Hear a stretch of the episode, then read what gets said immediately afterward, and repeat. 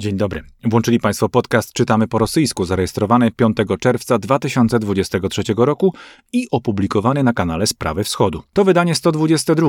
Dziś z Magdaleną Paciorek mówimy o putinowskim średniowieczu, a także o rosyjsko-białoruskiej granicy, która jest jak wańka wstańka. Podnosi się i upada, podnosi się i upada. Redaktor Marcin Strzyżewski jest na krótkim urlopie, ale my zapraszamy do słuchania.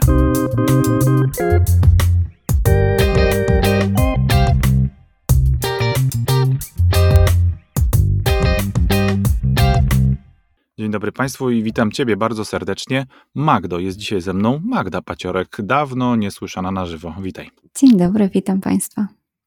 Magda ma nowy mikrofon, o tym już mówiliśmy mm, ostatnio e, i ten mikrofon czeka na Państwa wsparcie wciąż. E, przypomnę tylko pokrótce, że mm, mogą Państwo nas e, wspierać choćby poprzez taki serwis, który nazywa się Buy Coffee 2.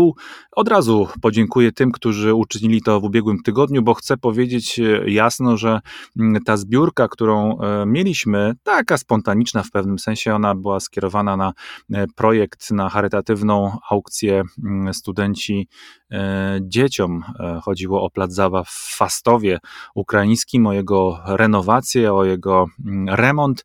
Ta zbiórka, ta zrzutka jeszcze trwa, mogą Państwo ją zasilać. Ja wciąż umieszczam link do e, tego właśnie, do tej aukcji, no nie tyle aukcji, do tej zbiórki właśnie. Mm, ten link jest w opisie do odcinka naszego dzisiejszego, więc zachęcam, ale także jak zwykle mogą Państwo wesprzeć nas, bo nasz sprzęt, nasze możliwości techniczne także sprzyjają temu, żeby ta jakość e, naszych nagrań się po prostu jednak podnosiła. W zeszłym tygodniu wsparli nas panowie Stanisław, Tomasz, Maciej, Mateusz, Marcel, Bartosz i Krzysztof. Bardzo niskie dla Was ukłony. E, te wszystkie mm, datki zostały przekierowane od spraw wschodu, od słuchaczy spraw wschodu na zrzutkę, o której przed chwilą była mowa i o której była mowa także w ubiegłym tygodniu. Koncert charytatywny już się odbył, ale zrzutka, mm, jak Państwo e, wiedzą, jak Państwo słyszą, wciąż trwa, bo cel jest e, jeszcze nie osiągnięty, ale myślę, że to chwilę mm, tylko i wyłącznie zajmie. Drodzy Państwo, w ten weekend sporo różnego rodzaju wydarzeń o charakterze politycznym, demonstracji różnego rodzaju, e, nie tylko w kontekście polskim, o którym oczywiście Państwo na pewno dużo wiedzą, słyszą i czytają, oraz oglądają. Były także demonstracje, e, które e, zostały e, przekierowane, czy też związane z dniem urodzin no, jednego z głównych więźniów politycznych współczesnej Rosji, czyli Aleksieja Nawalnego. Te demonstracje odbywały się w wielu miejscach Europy i świata. One oczywiście miały swój zakres e, taki, mm, jak tylko można było to mm, zorganizować i jak tylko można było zwrócić uwagę na ten temat, który gdzieś, myślę, tak sobie po prostu stopniowo pewnie trochę przygasa, trochę jest zapominany. Niepokojąco oczywiście zapominany, bo mm, myślę, że niesłusznie te tematy e, gdzieś schodzą, oczywiście e, z, z głównych e, witryn internetowych, czasopism i różnego rodzaju innych nośników informacji, które do nas docierają. Warto o tym cały czas pamiętać i ci, którzy koncentrują swoje siły wokół tych spraw, no próbują cały czas rzeczywiście temat podrzucać, jak się to czasami mawia, na, na szczyt takiej kolumnej treści. No jest jeszcze oczywiście wydarzenie, które no, krąży nad nami poniekąd, czyli rosyjskie wpływy. My czytamy po rosyjsku, więc tych wpływów w zasadzie e, nie musimy się w żaden sposób e, obawiać. Troszczymy się o to, co się faktycznie dzieje, i ja tylko chciałbym powiedzieć bardzo krótko to, co wydaje się, że warto mieć na uwadze także w tym kontekście, że tego typu zjawisko i tego typu strategia działania politycznego, ona niezwykle przypomina, przynajmniej z mojego punktu widzenia, a mówiliśmy o tym tutaj i z Marcinem Strzyżewskim i z Magdą Paciorek wielokrotnie o tych e, sprawach, że mamy do czynienia z pewnego rodzaju podobieństwem, które jest aż uderzające w duchu przynajmniej tej materii do tych ustaw, do tych zagadnień, które gdzieś niestety w Rosji już od pewnego czasu obowiązują jako ustawy, jako zapisy o agentach zagranicznych czy innych e, tego typu konfiguracjach polityczno-strategicznych, do których mm, doszło już swego czasu w Rosji. Obyśmy tą drogą nie musieli iść, obyśmy zrezygnowali z niej jak najszybciej, jeśli to tylko możliwe.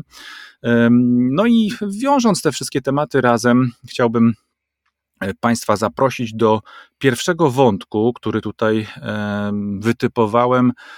To jest tekst, który przynosi nam Meduza, czyli jak Państwo doskonale wiedzą, Jedno z takich kluczowych wydawnictw, jedno z takich kluczowych mediów rosyjskiej antyreżimowej prasy, emigracyjne w dużej mierze, no i oczywiście jak najbardziej próbujące trzymać się prawdy, donoszące te treści, które e, ze wschodniej przestrzeni, czy też z samej Rosji no, są jak najbardziej zweryfikowane i prawdziwe, e, dalekie od propagandy. Meduza, otóż, drodzy Państwo, i to jest wydaje mi się bardzo istotne dla wszystkich innych kontekstów, o których będziemy mówili, o których można usłyszeć u nas, mm, zadecydowała o tym, że warto sprawdzić, e, i y, poprosić o wyjaśnienie niektórych swoich czytelników, a może i wszystkich swoich czytelników, czyli ludzi, których poglądy mogłyby być pozycjonowane jako takie centrowe, może nawet y, liberalne w niektórych przypadkach. Dlaczego jednak e, oni, właśnie ci czytelnicy Meduzy, czyli najdalej od propagandy mimo wszystko stojący e, obywatele, nie tylko Rosji oczywiście, ale głównie Rosji, popierają albo nie tyle popierają, ale usprawiedliwiają inwazję Federacji Rosyjskiej na Ukrainę. E, to jest taki temat, który też gdzieś zawisł między przestrzeniami.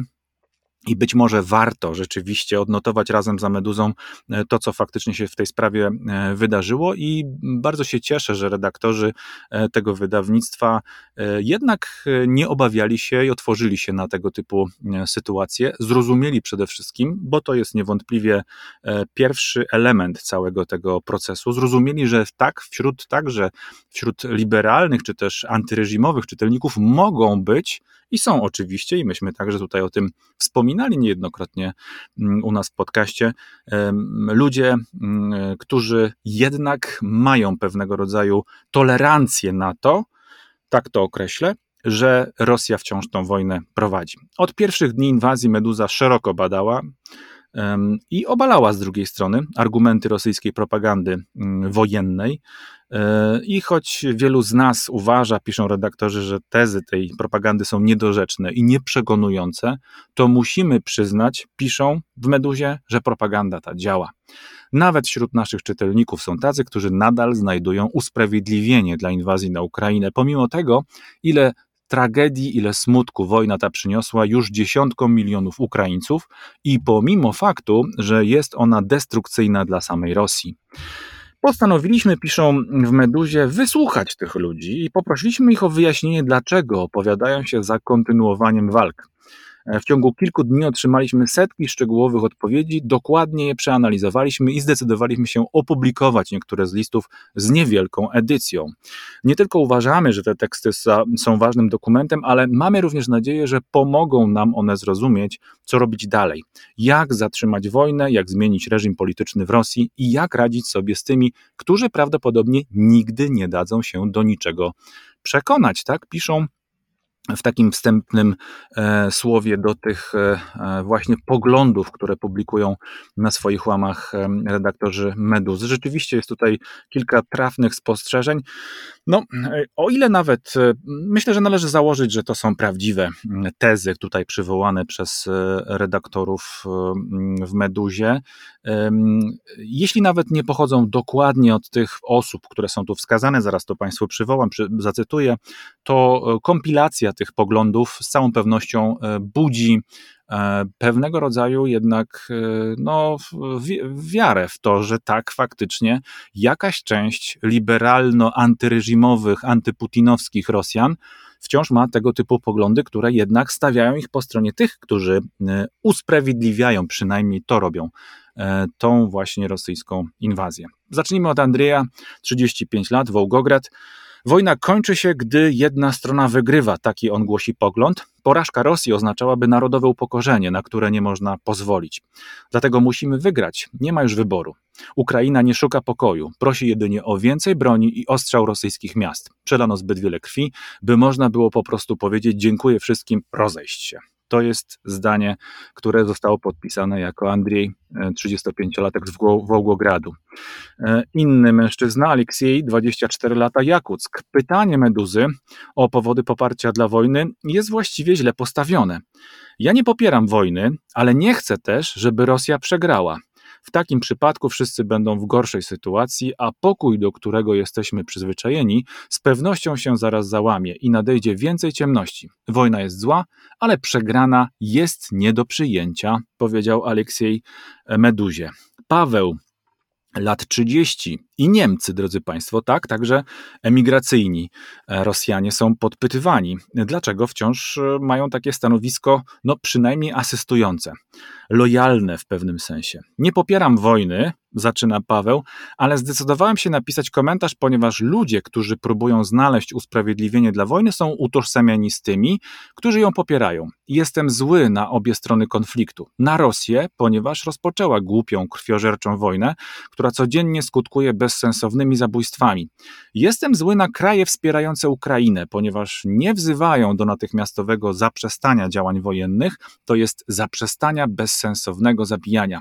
Zamiast tego państwa te dostarczają krajowi broń, zdając sobie sprawę, że to tylko zwiększa liczbę ofiar. To było zdanie Pawła. Kolejny mężczyzna, Siergiej, 38 lat, dla Meduzy. To jest miasto, którego on tutaj nie podał, anonimowe. Mm, nie popieram wojny, ale niestety w tej chwili moja ojczyzna, Rosja, stoi przed pytaniem o istnienie. Nie chcę dezintegracji, zniszczenia mojego kraju. Mam pytania do inicjatorów specjalnej wojskowej operacji, ale najpierw należy rozwiązać kwestię egzystencjalną. To był Siergiej. Dalej, też 38-latek, ale anonimowy. Nie wiemy z jakiego miasta. Jedyną rzeczą gorszą, gorszą od wojny może być wojna przegrana. Rozpoczęcie jej było szalonym błędem, ale teraz trzeba ją wygrać, bo inaczej będziemy biada, biada, bieda pokonanym. E, nie popieram Putina. Niech go szlak, powiedział ten właśnie anonimowy czytelnik. Dmitrij z Moskwy, lat 35. Początkowo i konsekwentnie sprzeciwiałem się wojnie, jednak z czasem narastało zmęczenie tym, co się dzieje. Ciągły strach o siebie i moich przyjaciół, o to, że mogą zostać wcieleni na front, jeśli się temu sprzeciwię z zagranicznych mediów, które pisały, że Rosjanie muszą coś zrobić z obecnym rządem i wojną. Istnieje również zrozumienie, że jeśli nie uda się znaleźć sposobu na wyjście z tej sytuacji bez utraty twarzy lub mm, takiej generalnej utraty, życie w Federacji Rosyjskiej dramatycznie się pogorszy. Istnieje wiele przykładów w historii świata, które o tym mówią, na przykład Niemcy. Jednak wojna jest zawsze zła i przynosi tylko krew, śmierć i okaleczone losy. Decyzja o jej rozpoczęciu była błędna, to fakt, ale sytuacja osiągnęła teraz etap, w którym nie warto już przegrywać. To kolejny głos z Rosji. Przypomnę Państwu, dla Meduzy, czyli dla, dla medium, które raczej sprzyja e, antywojennym, antyreżimowym poglądom, ale wśród swoich czytelników ma także takich ludzi. Wiktoria, 28 lat, Sankt Petersburg.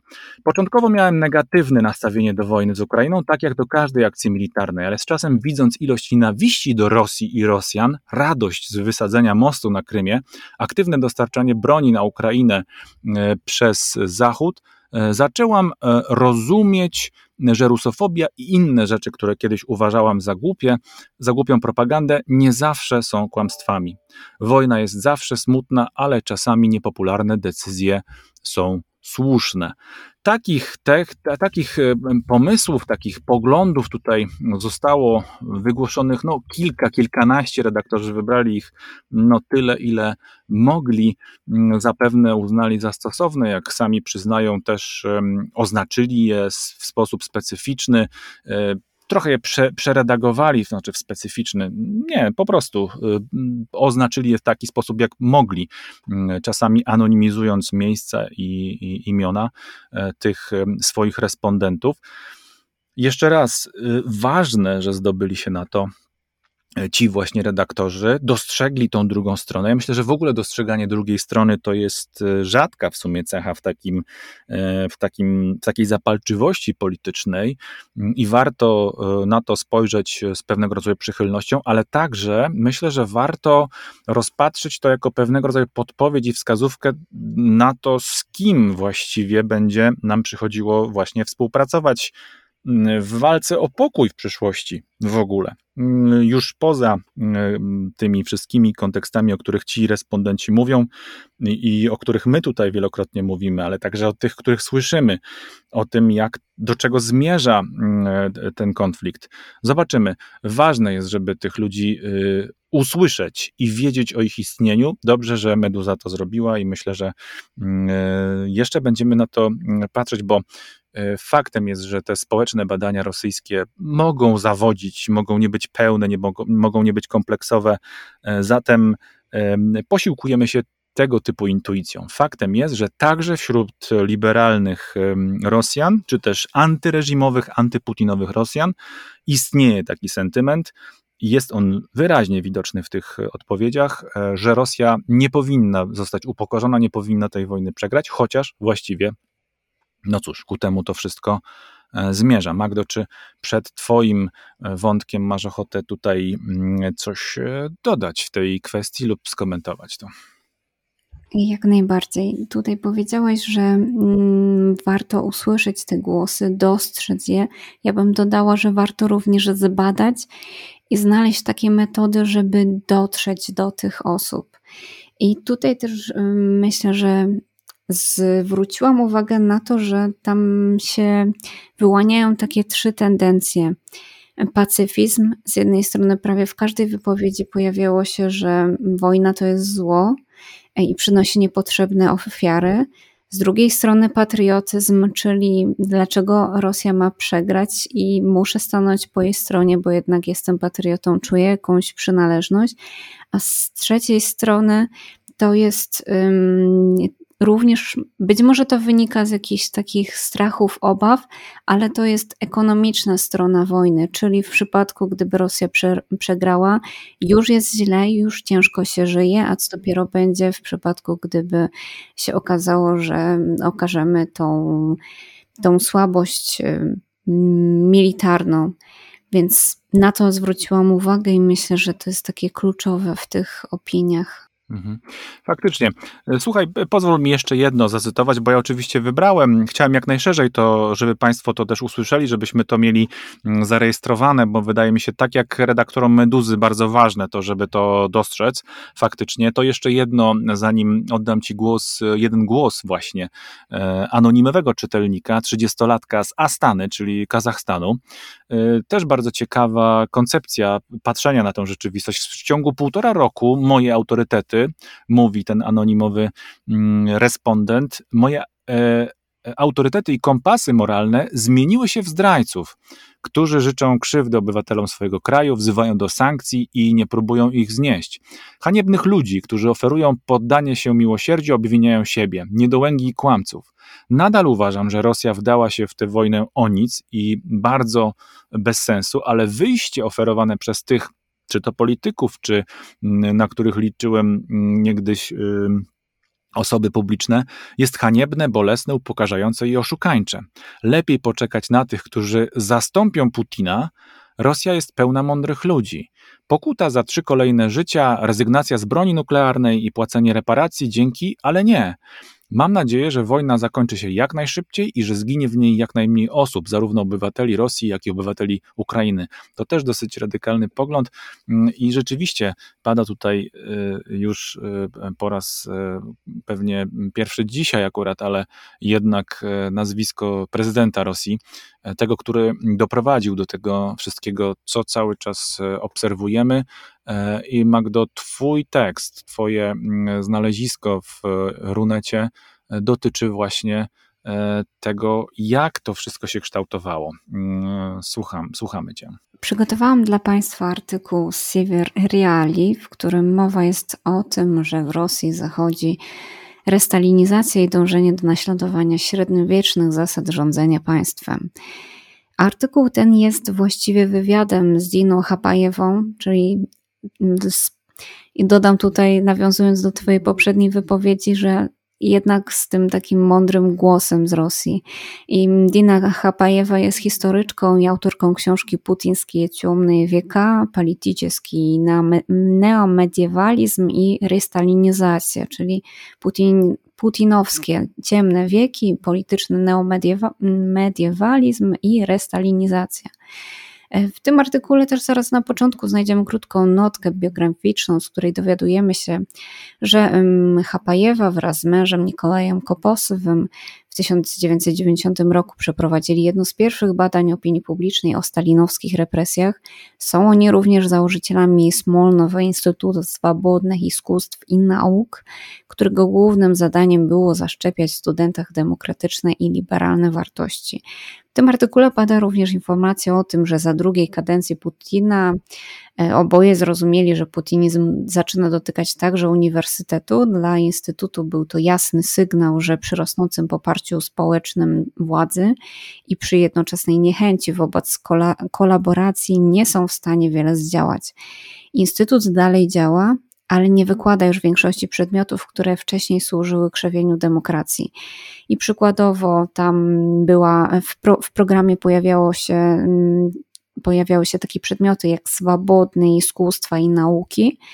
I teraz mm, ten przedmiot jest zamieniony iskustwa i humanitarne nauki, czyli ten cały pierwiastek wolnomyślicielstwa, demokratycznych idei został zastąpiony po prostu czystym artystycznym, takim humanistycznym wykształceniem. Powrócę do tematu publikacji naukowej Hapajewy. Badaczka podjęła się, podjęła się w swoich badaniach tematu polityki pamięci, która zajmowała i wciąż zajmuje ważne miejsce w polityce Putina. Pierwszym elementem kreowania specyficznej pamięci było wskrzeszenie postaci Stalina, zaczynając od przywrócenia stalinowskiego hymnu w aranżacji Siergieja Michałkowa, a kończąc na zamknięciu memoriału, czyli organizacji zajmującej się badaniem politycznych represji w ZSRR i współczesnej Rosji. Elementów do tej układanki moglibyśmy oczywiście doliczyć więcej, jak chociażby ustawianie E, ustawianie wybranych świąt państwowych od dnia zas zasitnika Atjeciestwa po dzień Pabiedy, służący bezpośrednio do opowiadania o wielkim rosyjskim zwycięstwie nad nazistami. Ten mit o wojnie według Hapajewej pojawił się już w czasach stalinizmu i jest wciąż eksploatowany przez rosyjską władzę, ale on ma wcześniejsze korzenie, o czym powiem nieco później. Przy tym warto nadmienić, że w tym kulcie wojny nie ma miejsca na pamięć o cierpieniu, o stratach, o strachu i innych okrutnych stronach wojny. Idea wojny dla Putina według badaczki pomaga w budowaniu jeszcze innych fantazmatów, idei imperium i rosyjskiego mesjanizmu. Tak? Rosjanie również mają, mają taki swój wewnętrzny mesjanizm i pewnie zastanawiacie się, o co badaczce chodziło z tym mediewali, mediewalizmem. Wcale nie jest to związane z polityką pamięci, a jest to po prostu sposób wpajania rosyjskiemu społeczeństwu pewnego alternatywnego modelu dla demokracji. Rozumie się to przez przekonanie rosyjskiego społeczeństwa do tego, że terror prawo silniejszego, Aprićnina z czasów Iwana mm, Groźnego i w końcu stalinowskie represje, to wszystko jest i było dobre. Ktoś tam tracił życie, ale przecież społeczeństwo żyło dostatnie. Może istniała i istnieje nierówność społeczna, ale przecież taka jest kolej rzeczy, którą społeczeństwo powinno szanować, jak i władza prawnie taki stan gwarantować. Takim oto sposobem otrzymujemy społeczeństwo potulne, podległe władzy, które może robić, która może robić z obywatelami co tylko zechce, czyli mobilizować, wzywać do rzekomej obrony państwa i rozpoczynać imperatorską politykę podbojów. Ze średniowieczem łączy Rosję nie tylko autorytarna, scentralizowana władza, ale również tworzenie społeczeństwa stanowego – po rosyjsku to sasłowne общество, czyli dosłownie warstwowe społeczeństwo. To społeczeństwo, w którym na przykład obowiązujące prawo działa różnie w zależności od tego, jakie się ma powiązania z władzą, czyli do jakiej warstwy społecznej się przynależy.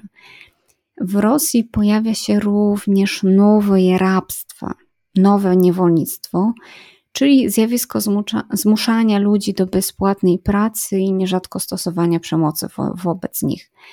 To niewolnictwo obejmuje również, ładnie to określę po miłoszowsku, zniewolenie umysłu poprzez takie wzmacnianie wyobrażenia na temat relacji państwo-jednostka, w którym ta jednostka niewiele znaczy. Dla putinowskiej świty najważniejsze było od początku wzbogacanie się, zyskanie jak największej liczby przywilejów i okazało się, że kolokwialnie mówiąc, bezkarnie nachapać się nie można było wiecznie. Potrzebny był sprytny sposób na uciszenie społeczeństwa, a zarazem na legitymizację, uznanie prawomocności i zyskanie posłuchu. Początkowo myślano, że uda się oprzeć tę, tę ideologię na prawosławiu, ale tu wysunął się naprzód poważny kontrargument. Rosja w odróżnieniu od Polski nie jest państwem jednowyznaniowym. Cerkiew rosyjska jest podporządkowana władzy, ale nie ma tak silnego oddziaływania jak na przykład Kościół w Polsce. Mm, badaczka podkreśla, że wszystkie te obrazy, idee wpajane społeczeństwu mają służyć nie powrotowi do średniowiecza, a stworzeniu takiej iluzji, wyobrażenia, które pozwoli stworzyć antydemokratyczną przyszłość Rosji. Hapajewa uważa, że u złodziei, mówią oczywiście o świecie Putina, nie ma ideologii. Po prostu uczepili się oni starych idei prawicowych ekstremistów, dla których najważniejszym historycznym wydarzeniem została wojna. Ta wojna to oczywiście mit, taki trochę kosmogoniczny, czyli traktujący o świecie jego porządku. Powybierano specyficzne wydarzenia, wyrwano je z kontekstu i zdeformowano a widzimy przez pryzmat naszego własnego podwórka, że historiozofia jest świetnym gruntem do tworzenia mitów i sterowania umysłami. W ten sposób kremlowskie władze wyciągają z historii fragmenty, które budują heroiczny obraz Rosji, zwycięzcy i potężnego gracza na arenie międzynarodowej. Idąc dalej, nie chodzi tutaj o budowanie jakiejś jasnej wizji przyszłości państwa i społeczeństwa to budowanie polityki w mocnym oparciu o przeszłość, a nie zaglądanie w przyszłość i wcale nie planowanie. I widzimy to na przykładzie trwającej już prawie półtorej roku wojny. I widzimy to, że Rosja nie ma planu. Wojna w Rosji to taki stan gotowości do udowadniania powyższych założeń. Działamy tu i teraz, żeby podtrzymać mity z przeszłości te mity z przeszłości to oczywiście chodzi o wojnę, wojnę czeczeńską, później z Gruzją, aneksję Krymu, wojnę z Ukrainą, to tylko takie elementy tej całej neośredniowiecznej układanki. Przy okazji wysuwa się tutaj jeszcze jeden problem z przeszłości, którym władza rosyjska również świetnie operuje, czyli kolonializm. Próby mobilizacji tej faktycznej, jak i świadomościowej podejmowane są przede wszystkim na mieszkańcach wsi i części społeczeństwa, która nie jest etnicznie rosyjska. Stąd w dużej mierze mobilizowani są mieszkańcy Osetii, Jakucji, Tuwy itd. Tak Tutaj nie omieszkam się podkreślić, że w Rosji inne nacje nie mają lekko. Ksenofobia jest na porządku dziennym i władze rosyjskie jest to w zupełności na rękę.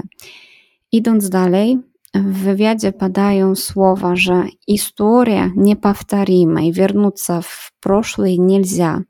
Поэтому такие попытки объяснения новых черт современности мне кажутся несостоятельными. Они способны лишь за затемнить наше понимание мира, в котором мы живем, и этих процессов. W skrócie, historia jest niepowtarzalna i przywrócić przyszłości nie da się. Przez to też tłumaczenie nowych cech rzeczywistości powrotem do przeszłości jest nie na miejscu. I tutaj myślę, że weszłabym w drobną polemikę. Zgadzam się, że wrócić do przeszłości jeden do jednego nie da się, ale zawsze w historii są schematy, są wydarzenia, które się powtarzają. Tutaj pozostanie takie pytanie bez odpowiedzi, czy jesteśmy w stanie zapobiec tym schematom. I powracając jeszcze na moment do wątku średniowiecznego, dziennikarka Sievier Reali, która prowadziła ten, przeprowadziła ten wywiad, zwraca też uwagę na to, że nie tylko w Rosji jest tendencja do korzystania ze średniowiecznych aluzji. W Ameryce używa się również w antydemokratycznej propagandzie, ale w odróżnieniu od Rosji takie tendencje nie stały się głównym nurtem historycznej po polityki, która wiedzie do zajmowania sąsiednich państw. I tutaj taka moja drobna refleksja. Szanujmy te wieki ciemne y, światowej cywilizacji, bo jak się okazuje, wciąż sporo można z nich wyczytać i sporo idei wciąż rezonuje. Nawet zdarzyło mi się w swojej pracy badawczej badać, y, porównywać średniowiecze i współczesność, i naprawdę bardzo dużo z, z tego średniowiecznego szaleństwa tych idei jesteśmy w stanie odnaleźć w naszej tej postmodernistycznej rzeczywistości. I jeszcze, jeszcze tutaj wspomnę przy okazji mowy o tym średniowieczu. Dodam, że na terenach dzisiejszej Rosji to średniowiecze zaczęło się znacznie później i trwało dłużej. Być może stąd już bierze się taki kompleks Rosji względem Zachodu, który trwa do dziś. Od, y, w Rosji od wieków albo idealizuje się Zachód i jego dokonania, albo wprost przeciwnie. Odrzuca się cały jego dorobek i podsyca taką nienawiść do tych wszystkich nowinek, które przychodzą z innej cywilizacji. I badaczka podkreśla, że w rosyjskiej świadomości Zachód zajmuje bardzo ważne miejsce. Widoczne było to i w chęci przewyższenia go w różnych dziedzinach, a jeśli to się nie udaje, oczywiście dochodzi do mocnego zaprzeczenia i takiego wyparcia tego, tego co się dzieje na Zachodzie.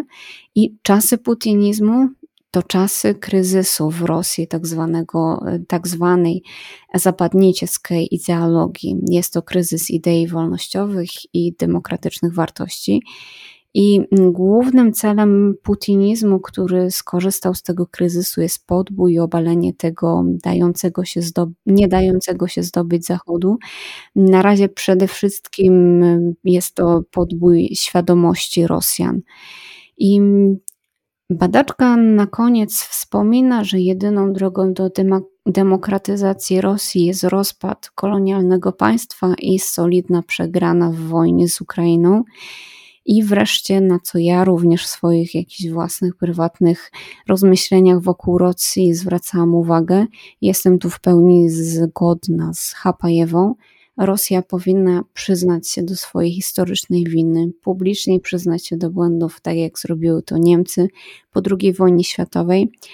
Zresztą dzisiaj już troszeczkę padało to porównanie Niemiec i Rosji, tej sytuacji po wojnie. I uważam również, że należy postawić przed ławą oskarżonych wszystkich zbrodniarzy, również tego rehabilitowanego i wskrzeszonego Stalina i może idealistycznie, ale mam nadzieję, że taki moment nastąpi. Może będziemy musieli na niego trochę jeszcze poczekać. I ten moment nie będzie dotyczył tylko tej straumatyzowanej części społeczeństwa, która nie popiera wojny, ale przede wszystkim tych, którzy brali czynny udział, czyli dotyczyć będzie całej śmietanki kryminalnego reżimu Putina. Więc tutaj tak jakby te nasze dzisiaj wątki przeplatają się takie mm, myślenie o tej wojnie i tutaj w tym artykule jest bardzo dużo poruszon, poruszanych takich wątków, um, mitów, idei z przeszłości, które tak jakby chcą być zaczepione na grunt współczesności, który no, jako metody istnieją, ale jak widzimy, nie wszyscy to popierają i zobaczymy, jak to, jak to będzie brzmiało. To prawda. E, dzięki za to wyczerpujące opisanie tego tekstu, tego wywiadu mm, Aleksandry Makijewoj z Sywir Reali.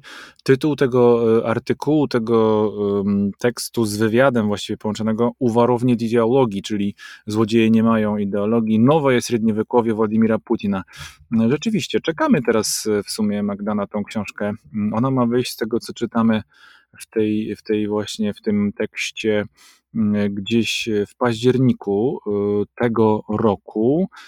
Badaczka pracuje w Stanach Zjednoczonych Ameryki Północnej, co oczywiście zresztą z mężem, co oczywiście nie mm, powoduje, że mm, jest bardziej przez to szanowana ani przez nas, e, ani przez Rosjan, w tym sensie przez nas nie, no bo to nie ma większego znaczenia. Jedno jest pewne, znaczenie ma to dlatego, że mm, nie mogłaby takiego tekstu naj, najprawdopodobniej, a ba, na pewno by nie mogła takiego e, tekstu, takiego badania opublikować u siebie w Rosji teraz o takim tytule, a zacytuję go Państwu, Putińskie ciemne wieka, polityczny neomediewalizm i restalinizacja, czyli putinowskie ciemne mm, e, lata, wieki, e, polityczne, polityczne no bez, bez wieki, to stulecia to już oczywiście byłoby za dużo, ale rzeczywiście ciemny czas, o tak byśmy powiedzieli, może w lepiej, takim bardziej precyzyjnym tłumaczeniu, polityczny neomediewalizm, czyli ten polityczny, to polityczne neośredniowiecze i restalinizacja. Rzeczywiście ta konfiguracja jest bardzo specyficzna. Mm, jeśli tak faktycznie byłoby, e, jak wskazuje e, tutaj e, pani Dina Hapajewa, to no, mamy do czynienia z, z, taką rekonfiguracją w ogóle tej przestrzeni. Jakiś czas temu rozmawialiśmy w Instytucie Filologii Wschodniosłowiańskiej dzięki łączom internetowym z Borysem Akuninem, to z inicjatywy Grzegorza Przebindy taka rozmowa się odbyła i pamiętam, że miałem przyjemność zadać mu tam takie pytanie, czy on uważa na przykład, jako także historyk, E, badacz e, i literat e, tej przestrzeni, że mogłoby się tak wydarzyć, że to Kijów, zwycięski Kijów, przejmie rolę mm, Moskwy, która zostanie mm, w tej no, samobójczej wojnie, mm, zakładamy, oczywiście, nie wiadomo jak będzie do końca, ale zakładamy, zostanie pokonana. I tam ta odpowiedź była taka, no, powiedziałbym, wymijająca i y, to, o czym powiedziałaś, Magdo, mm, rzeczywiście to te, te wcześniejsze opinie tych Rosjan nie y, wróżą na razie niczego mm, y, dobrego, jeśli chodzi o ten kierunek pewnego rodzaju ekspiacji albo jakiegoś rodzaju wyznania winy przez Rosję w jakimś nieodległym czasie. No bo o ile można mówić o konserwatywnym nurcie, o tych Z-patriotach, których poezję możemy za darmo sobie ściągać z różnego rodzaju portali, mm, no to tam nie ma żadnego problemu. Wiadomo, identyfikacja jest jednoznaczna, ale Faktem jest, że jeśli nie będziemy e, e, odnajdywali zrozumienia do tej sytuacji e, u ludzi, mm, których postrzegamy za tych, którzy, którzy mogą być dla nas partnerami w rozmowie o pokoju na świecie, o pokoju w Europie i przyznaniu Rosji mm, do, do winy i do błędów, no to będzie to oczywiście niezwykle trudne. I nawet takie spotkanie jak dzisiejsze, a dzisiaj odbyło się takie spotkanie w Brukseli mm, rosyjskich środowisk opozycyjnych i emigracyjnych jednocześnie na zaproszenie mm, jednej z frakcji parlamentarnych, oczywiście ważne jest, żeby dawać im wciąż platformę do tego, żeby mogli mówić, żeby mogli mm, pisać, publikować. E, wiem to e, z różnych źródeł. Mogą to Państwo też przeczytać na przykład na Twitterze Anastazji Burakowej, z którą ja też miałem przyjemność rozmawiać swego czasu. E, zapraszam, kto nie widział, kanał YouTube Sprawy Wschodu. Tam zresztą kilka także takich rozmów z tymi Rosjanami, których, Rosjankami właściwie, których mm, warto posłuchać, warto się zastanowić nad tym, w którą stronę oni mm, pociągną, jeśli będą mogli oczywiście pociągnąć ten, ten kraj e, do przyszłości. E, wielu na to liczy, że mm, putinizm jest e, skończony, ograniczony. Ja sam także taką tezę e, chętnie bym podtrzymywał i promował. E, myślę, że to jest rzeczywiście już w zasięgu ręki, e, ale oczywiście, jak wiele rzeczy tego typu w najmniej nieoczekiwany sposób nam coś mi się wydaje, to mm, się objawi. Zobaczymy. Mm, tak to jest. Rosja bez Europy jest niewyobrażalna. To fakt. Także jeden z kilku kilku tutaj elementów, które, mm, jak rozumiem, e, badaczka, e, o której tutaj była mowa, mm, na, którą, na której wywiad powoływała się Magdo, e, tutaj tą tezę także mm, forsuje i chyba nie da się tego w inny sposób lepiej powiedzieć. Tak, Rosja zawsze będzie identyfikowała się polityczna, kulturowa względem Europy, czy to odcinając się od niej, czy to zwalczając ją w sobie również, bo tak przecież ten plan putinowski wygląda. No i jest tutaj też taka teza w tych pytaniach, e, o których e, tutaj była mowa, też powrót do takiej koncepcji Dmitrija Bykowa, w pewnym sensie on to bardzo istotnie promuje, mm, promował, że Putin właściwie walczy nie o przyszłość Rosji, ale walczy z, z teraźniejszością właściwie i przyszłością jednocześnie. On chciałby zatrzymać, zakonserwować pewne elementy i to swoje średniowiecze umościć, a no po prostu aż mi się nie chce wierzyć, że te porównania, którego sam też tutaj użyłem w którymś z nagrań, być może nawet w ostatnich e, dwóch odcinkach mogą to Państwo sobie gdzieś wysłuchać, mm, że ta klika putinowska, e, mówiąc za mm, panami Juraszem albo Gralą, nawet Watacha, tak, Putina, oni takiego sformułowania w swojej książce użyli. Można powiedzieć taka neooprycznina właśnie z kolei. No, jest żywym dowodem na to, że rzeczywiście pewne schematy, o których ty powiedziałaś Magda, no po prostu tutaj mogą być odczytane e, i trochę ciarki po plecach w związku z tym e, przechodzą. E, jeśli pozwolą Państwo i Ty, Madziu, jeśli byśmy przeszli do jeszcze jednego wątku, który mm, chciałbym poruszyć, to, to będzie to granica. Moim zdaniem jedna z najbardziej symbolicznych i trochę takich niewidocznych granic e, współczesności, mm, także tej współczesności, która nas e, interesuje, wschodniosłowiańskiej, tak bym to e, doprecyzował. Otóż mam na myśli granicę, drodzy Państwo, rosyjsko-białoruską. Tak, istnieje taka granica. Co prawda, ma ona taką dosyć już nieźle zmodulowaną tą historię swoją, ale faktycznie istnieje. I jak e, twierdzą redaktorzy z nowej gazety Europa, ta granica między Rosją a Białorusią jest, przypomina trochę czerwoną kartkę podczas meczu piłkarskiego. Czasami jest ukrywana w kieszonce sędziego, ale czasami jest wprowadzana do gry i zaczyna zmieniać trochę jej reguły. No taka metafora piłkarska, nie wiem czy zasadna bardzo, ale jednak zaistniała. No więc ja osobiście chyba prawie 20 lat temu po raz pierwszy przekraczałem tą granicę niewidoczną, rosyjsko-białoruską. Najpierw oczywiście polsko-białoruską, a potem rosyjsko-białoruską w takim tranzycie w kierunku Moskwy jadąc pociągiem. No a coś dziś, 5 czerwca roku 2023 można o tej granicy, o tej symbolicznej niegranicy właściwie powiedzieć. Drodzy Państwo, no, e, jeśli chodzi o badania terenowe, których, e, które przeprowadzili redaktorzy Nowej Gazety Europa, ta granica białorusko-rosyjska jest, bywa czasem pojęciem filozoficznym, czasem geograficznym, a czasem bywa także politycznym. No i jej istnienie oraz brak na niej kontroli nie jest rzeczą, którą należy, czy jest właściwie rzeczą, którą należy uważnie monitorować, ponieważ ta wczorajsza sytuacja może się dzisiaj diametralnie zmienić, no i jutro również może ta stać się zupełnie nieaktualna. Więc wcześniej, zupełnie przed e, latami przed połową lat 90. była tam pełna kontrola. Następnie weszliśmy w fazę braku kontroli tych granicznych, braku istnienia tej granicy właściwie, a potem kontrola rosyjska, później kontrola pandemiczna, potem znowu kontrola rosyjska, a teraz jest także uwaga białoruska. No więc o co chodzi z tą granicą? Jedno jest e, chyba jasne. Ta mm, granica białorusko-rosyjska jest e, jednym z ważniejszych instrumentów, e, za pośrednictwem którego no przede wszystkim Aleksander Łukaszenko, trochę zniknięty z przestrzeni publicznej ostatnio, ale także i Władimir Putin wymieniają między sobą jakieś sygnały. Czasem przyjazne, czasem ostrzegawcze, różnie to bywa. No jest to swoista gra, bo istnienie tej granicy to mm, jest formalnie dla bardzo patriotycznie, nacjonalistycznie, ale jednocześnie łukaszenkowsko nastawionych Białorusinów jest ostatnim symbolem pewnego rodzaju odrębności od Rosji, odcięcia od Rosji. No więc, mm, kiedy ona została zniesiona faktycznie? W maju 1995 roku mm, pojawiła się później mm, ponownie, choć w nieco okrojonej formie, kiedy to Białoruś e, wprowadziła tam kontrolę.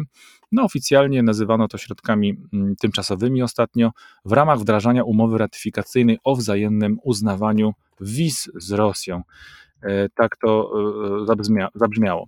No a w naszym przypadku czyli w przypadku białoruskim współcześnie chyba jest to bardziej instynktowna próba odstraszania e, Wagnerowców e, e, i odcinania się, nieudolnego, ale jednak odcinania się od statusu współagresora, tak na wszelki wypadek, aby nie pojawił się tutaj jakiś nieproszony gość.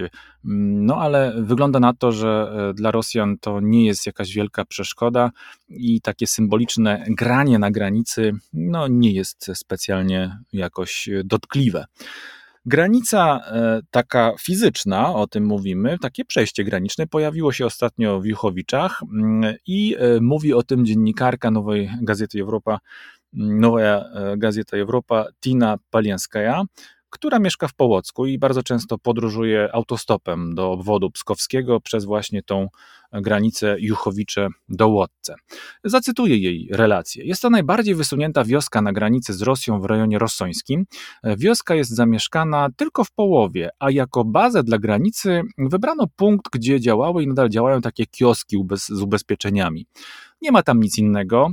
E, tylko kilka skleconych takich chadek, budek firm ubezpieczeniowych. No i letnia kawiarnia, e, która pomimo e, oczywistego już lata, przynajmniej na tych terenach, w tym roku jeszcze nie działa, czyli ciepła pogoda jest także i tam. Pierwszą rzeczą, którą przywieźli na granicę była latarnia, taka prawdziwa, którą skądś przeniesiona, zainstalowana była na środku drogi, no i nawet świeci wieczorem, jak mówi redaktorka. Ponadto pojawiły się tam betonowe bloki i umieszczono je w poprzek, aby pozostawić wąski korytarz dla ciężarówek. Bloki te działają również jako dodatkowa granica. Szlaban jest automatyczny i czasami się nawet psuje, a Straż Graniczna otwiera i zamyka go ręcznie. Osobliwością tego przejścia z dość długą kolejką yy, oczekujących jest to, że jest ona chroniona nie tylko przez Straż Graniczną, ale także przez Policję Drogową. E, co więcej, policjantów drogowych jest więcej i pełną oni funkcję, jak twierdzi redaktorka, e, no taką e, organizacyjną. Dzielą samochody na dwie kolejki. Zwykłe samochody i te które mm, jak, z jakiegoś powodu są zatrzymywane i ich kierowcy są karani, czyli takie omandatowane. Straż Graniczna nie odpowiada w ogóle na pytanie, czy ta granica tam już jest na stałe, czy to przejście zaczęło funkcjonować z jakiegoś konkretnego powodu. No a kontrola jest tam, jak pani redaktor mówi, pisze właściwie, jest absolutnie nieprofesjonalna, ale jednocześnie też bardzo drobiazgowa. Dlaczego jest nieprofesjonalna? No ponieważ tam nie ma żadnych środków technicznych, które mogłyby tą kontrolę wspierać. Na przykład nie ma psów zdolnych do wykrywania zabronionych substancji. No a działanie tych pograniczników polega po prostu na wyciąganiu rzeczy z bagażników i wkładaniu ich z powrotem. W zasadzie odbywa się to przez to też bardzo powoli, bo oni właściwie e, tak dosyć e, no, spokojnie e, od, od, realizują ten swój plan pracy. No więc e, to jest e, e, jedna rzecz. A druga rzecz, no to jest oczywiście sama kontrola paszportów, więc zabierają cały stos paszportów z kilkunastu samochodów, no i białoruski pogranicznik idzie do swojej komórki, do tego swojego kantorka, zamyka się w nim na długi czas, no i coś tam klika w komputerze, prawdopodobnie nie widać go zbyt dobrze, Trwa to jednak bardzo długo, no tak jakby miało na celu było to, żeby zniechęcić tych turystów. No i po około 40 minutach pojawia się, idzie wzdłuż kolumny i te paszporty rozdaje trochę taką metodą selekcją bez rozpoznania, więc e, ci kolejkowicze muszą sobie jeszcze te paszporty trochę powymieniać między sobą. Ta kolejna partia samochodów wjeżdża za szlaban i ciągnie już do mm, kolejnego punktu, już rosyjskiego tym razem, takiego kontrolnego, no a tam idzie dużo szybciej to wszystko, co trochę może nawet zaskakiwać, jak twierdzi pani redaktor. No i to jest kilka takich właśnie jeszcze takich tez, które mm, omawiają właśnie mm, z córką e, ta pani redaktor i no faktycznie coś, coś jest na rzeczy, po co córka sama nie wie, jak to wyglądać ma, o co tutaj chodzi mm, i trochę nawet jest takie, można by powiedzieć, takie e, no, emocjonalne pobudzenie w tej sprawie, nawet graniczące ze strachem być może.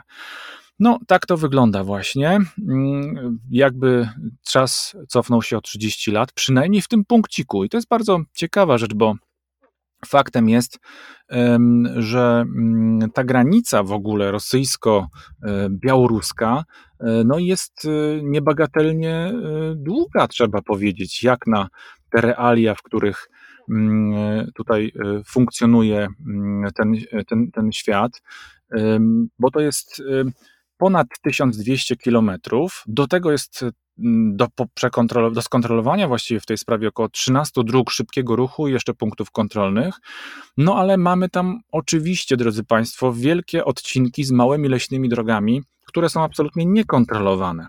A dla tych, którzy chcą opuścić Rosję przez Białoruś, bez bycia złapanym przez państwo, mm, choćby rosyjskie, czy też nawet białoruskie, wciąż istnieją niekończące się przestrzenie, no i lokalni przewodnicy. I my to oczywiście też odczuwamy w pewien sposób na pograniczu z kolei polsko-białoruskim. E, ponadto nadal istnieje pociąg z Moskwy do Kaliningradu bez dodatkowej kontroli, ale z postojem technicznym mm, w litewskiej stacji Kena, na litewskiej stacji Kena.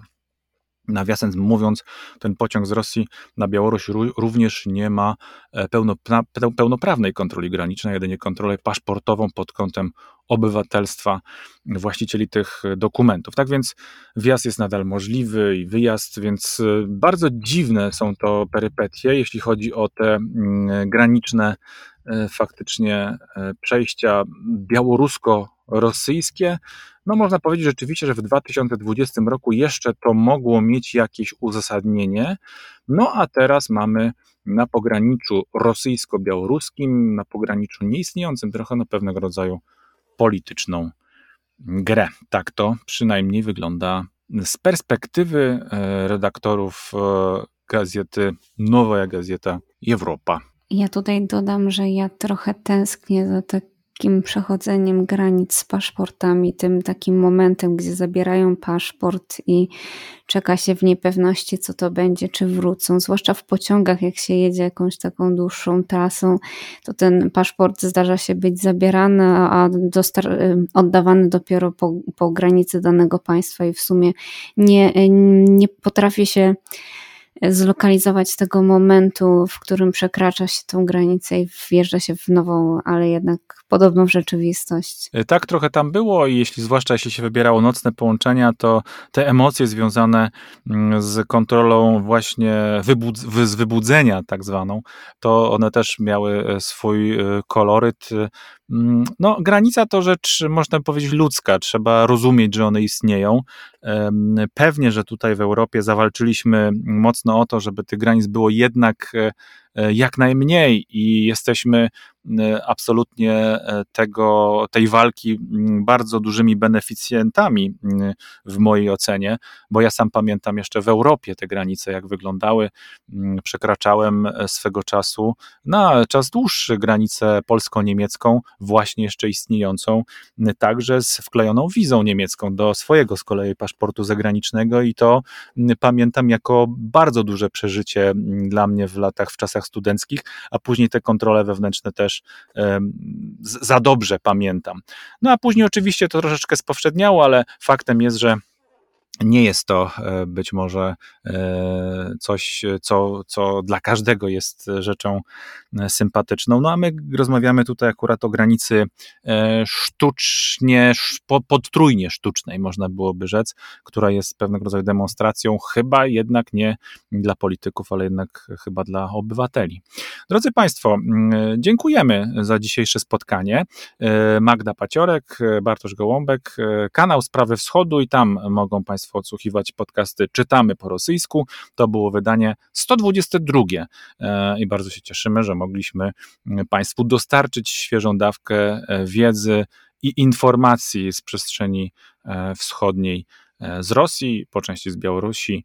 Mm, no i będziemy to robić regularnie nadal. Życzymy wszystkiego dobrego i do usłyszenia. Dziękuję Ci, Magdo, za spotkanie.